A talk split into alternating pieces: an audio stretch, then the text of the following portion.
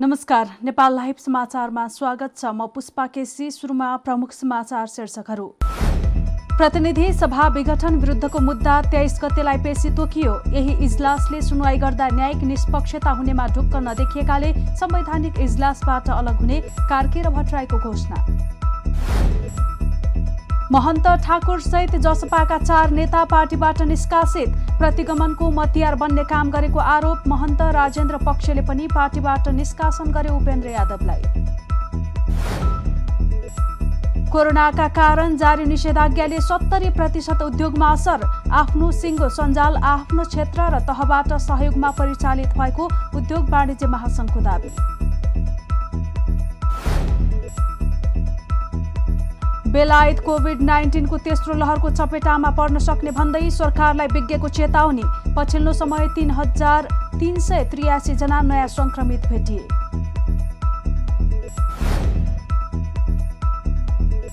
र फिफा विश्वकप तथा एसियन कप छनौट अन्तर्गत समूह एकको बाँकी खेल युएमा आयोजना हुने। केही देशको भ्रमण कठिनाईका कारण चीनबाट खेल सार्ने निर्णय।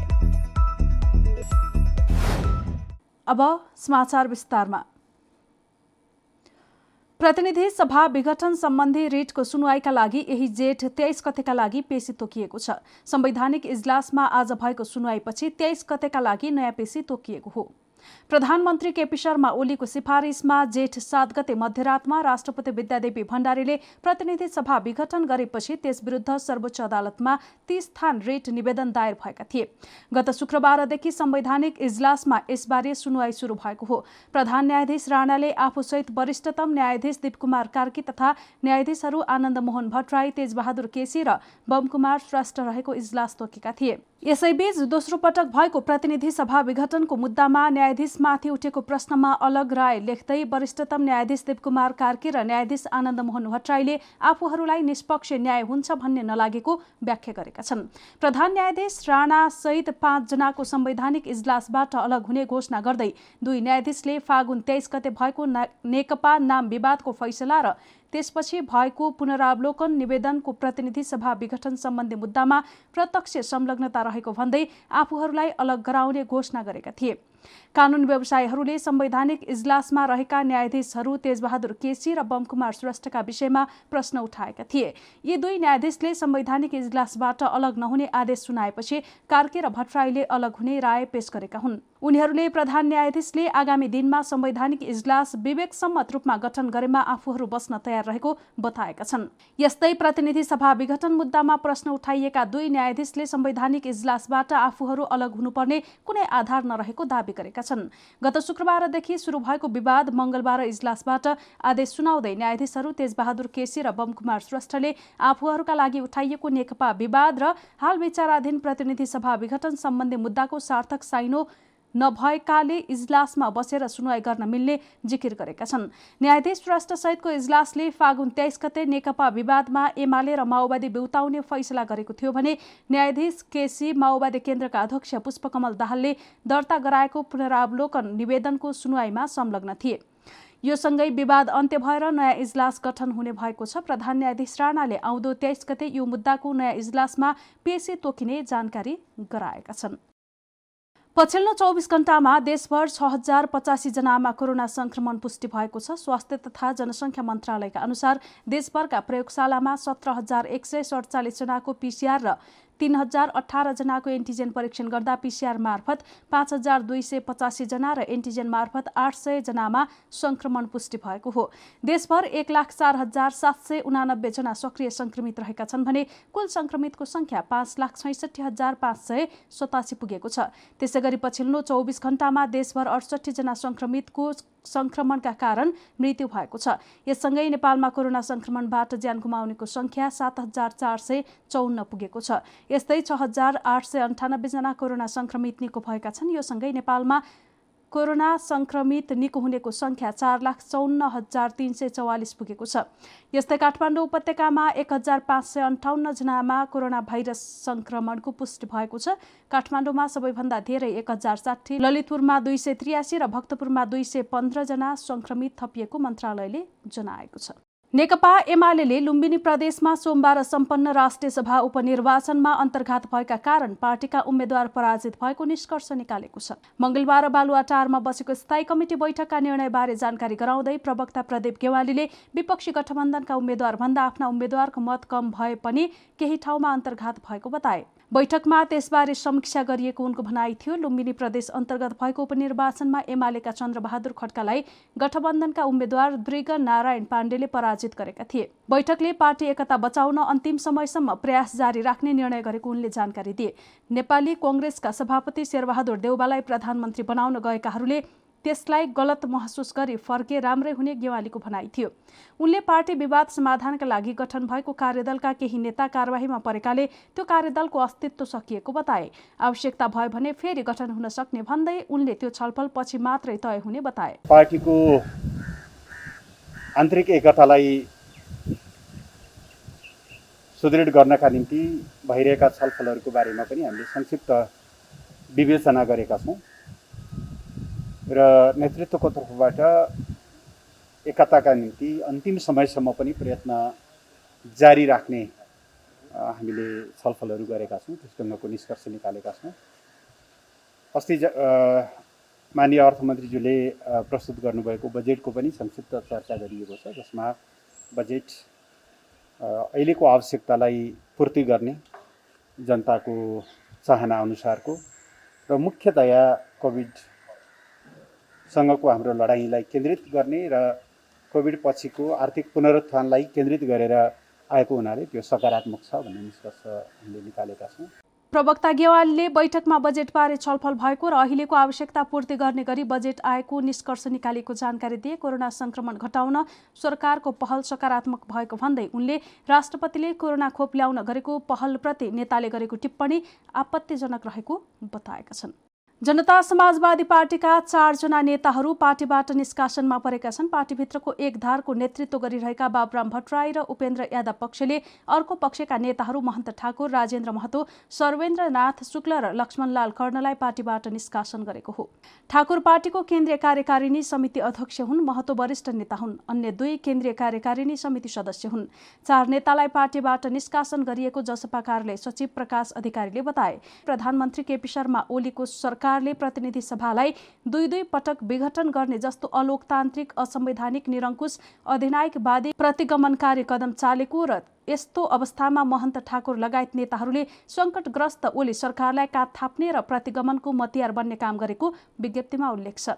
जसपाले चारजना नेतालाई पार्टीबाट गरिएको निष्कासनबारे निर्वाचन आयोगलाई पनि जानकारी गराएको छ। निष्कासनबारे अध्यक्ष यादवले निर्वाचन आयोगलाई जानकारी गराएका छन्।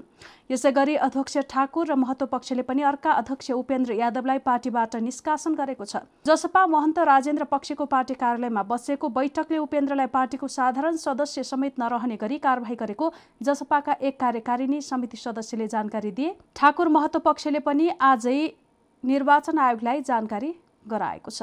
सरकारले यस वर्षको माध्यमिक विद्यालय शिक्षा परीक्षा एसईई आन्तरिक मूल्याङ्कन विधिबाट गर्ने निर्णय गरेको छ। सोमबार साँझ बालुवाटारमा बसेको मन्त्री परिषदको बैठकले यस्तो निर्णय गरेको हो। शिक्षा तथा मानव स्रोत विकास केन्द्रका महानिर्देशक वैकुण्ठ प्रसाद अर्यालको अध्यक्षतामा गठित कार्यदलले गत बिहिबार एसईई परीक्षाको विकल्प सहितको प्रतिवेदन पेश गरेको थियो।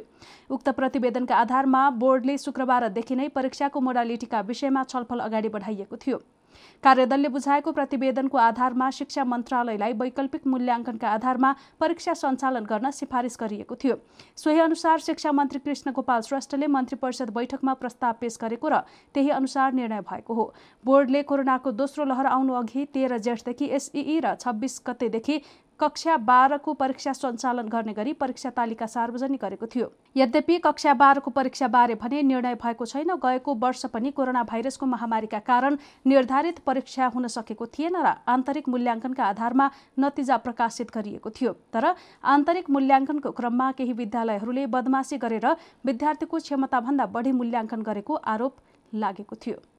नेपाल उद्योग वाणिज्य महासंघले कोरोना रोकथाम तथा नियन्त्रणका लागि जारी भएको निषेधाज्ञाले सत्तरी प्रतिशत उद्योगमा असर परेको जनाएको छ। कोविडको दोस्रो लहर तीव्र बनेपछि संक्रमण नियन्त्रण गर्न सरकारले वैशाख सोह्र गतेदेखि उपत्यका र त्यसअघि केही जिल्लामा जारी गरेको निषेधाज्ञा अहिले एक दुईवटा बाहेक सबै जिल्लामा लागू गरिएको छ। महासङ्घले आफ्ना सातवटै प्रदेश शाखाका पदाधिकारीहरूसँग जारी निषेधाज्ञाले उद्योग व्यवसायमा पारेको असरका विषयमा टेलिफोन संवाद गर्दा मुलुकभर करिब अडसठीदेखि सत्तरी प्रतिशत उद्योग व्यवसाय कोविडका कारण प्रत्यक्ष प्रभावित भएको पाइएको जनाएको छ। प्रदेशगत रूपमा प्रदेश एकमा बयासी दशमलव सात प्रतिशत गण्डकी प्रदेशमा पचहत्तर प्रतिशत बागमती प्रदेशमा उनसत्तरी प्रतिशत प्रदेश दुईमा उनसत्तरी प्रतिशत लुम्बिनी प्रदेशमा चौसठी दशमलव पाँच प्रतिशत सुदूरपश्चिममा सन्ताउन्न दशमलव सात र कर्णाली प्रदेशमा पैँतालिस दशमलव पाँच शून्य प्रतिशत उद्योग व्यवसायमा असर पर्न गएको महासङ्घले जनाएको छ। कोभिडको दोस्रो लहर संक्रमण विस्तार भएसँगै महासङ्घले आफ्नो सिङ्गो सञ्जाललाई आफ्नो क्षेत्र र तहबाट सहयोगमा उत्रन अपिल गरेको थियो। सोही अनुसार महासङ्घको सञ्जाल यतिखेर परिचालित भएको जनाइएको छ। हामी नेपाल लाइभ समाचारमा छौँ। अब अन्तर्राष्ट्रिय समाचार।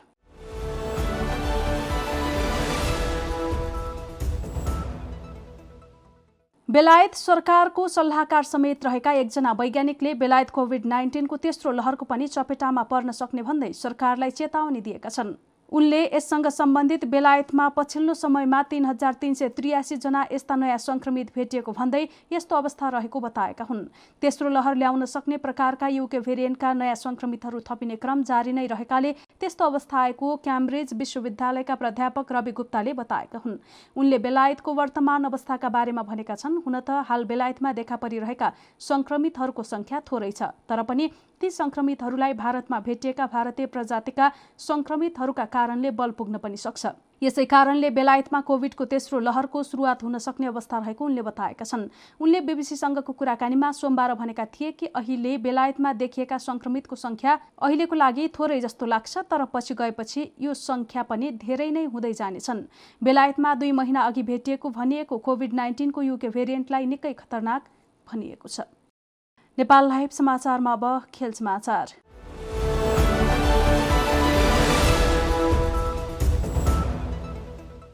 सन् दुई हजार बाइसमा कतारमा आयोजना हुने फिफा विश्वकप तथा एसियन कप छनौट अन्तर्गत समूह एमा बाँकी रहेका खेलहरू युएमा आयोजना हुने भएका छन्। एसियन फुटबल कन्फेडरेसनले मङ्गलबार समूह ए अन्तर्गतको बाँकी खेलहरू युएमा हुने जनाएको छ। एएफसीले न्युट्रल भेन्यूको रूपमा समूह एको खेल चीनमा आयोजना गरिरहेको थियो। तर केही देशको भ्रमण कठिनाईको कारण एफसीले चीनबाट खेल सार्दै युएमा गराउने निर्णय गरेको हो। खेलको मिति तय भएपछि घोषणा गरिने एफसीले बताएको छ। यस समूहमा सिरिया चीन फिलिपिन्स मालदिप्स र गुआम रहेका छन्। नेपाल लाइभ समाचार सकिएको छ। समाचारको अन्त्यमा प्रमुख समाचारका शीर्षकहरू फेरि एकपटक प्रतिनिधि सभा विघटन विरुद्धको मुद्दा तेइस गतेलाई पेशी तोकियो। यही इजलासले सुनवाई गर्दा न्यायिक निष्पक्षता हुनेमा ढुक्क नदेखिएकाले संवैधानिक इजलासबाट अलग हुने कार्की र भट्टराईको घोषणा।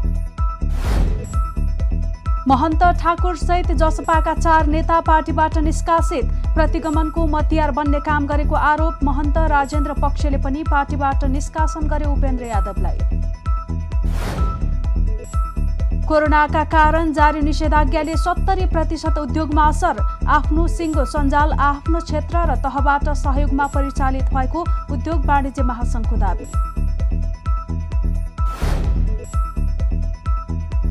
बेलायत कोभिड नाइन्टिनको तेस्रो लहरको चपेटामा पर्न सक्ने भन्दै सरकारलाई विज्ञको चेतावनी। पछिल्लो समय तीन हजार तीन सय त्रियासी जना नयाँ संक्रमित भेटिए।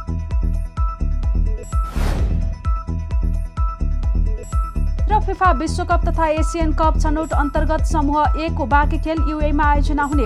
केही देशको भ्रमण कठिनाईका कारण चीनबाट खेल सार्ने निर्णय। नेपाल लाइभ समाचार आज यति नै। यसपछि नेपाल लाइभमा सर्टकट खबर हेर्न सक्नुहुनेछ। यस्तै हाम्रा कार्यक्रम Nepal लाइभको Facebook page YouTube channel Twitter र हाम्रो वेबसाइट नेपाल लाइभ डट कममा पढ्न र हेर्न सक्नुहुनेछ। नमस्कार।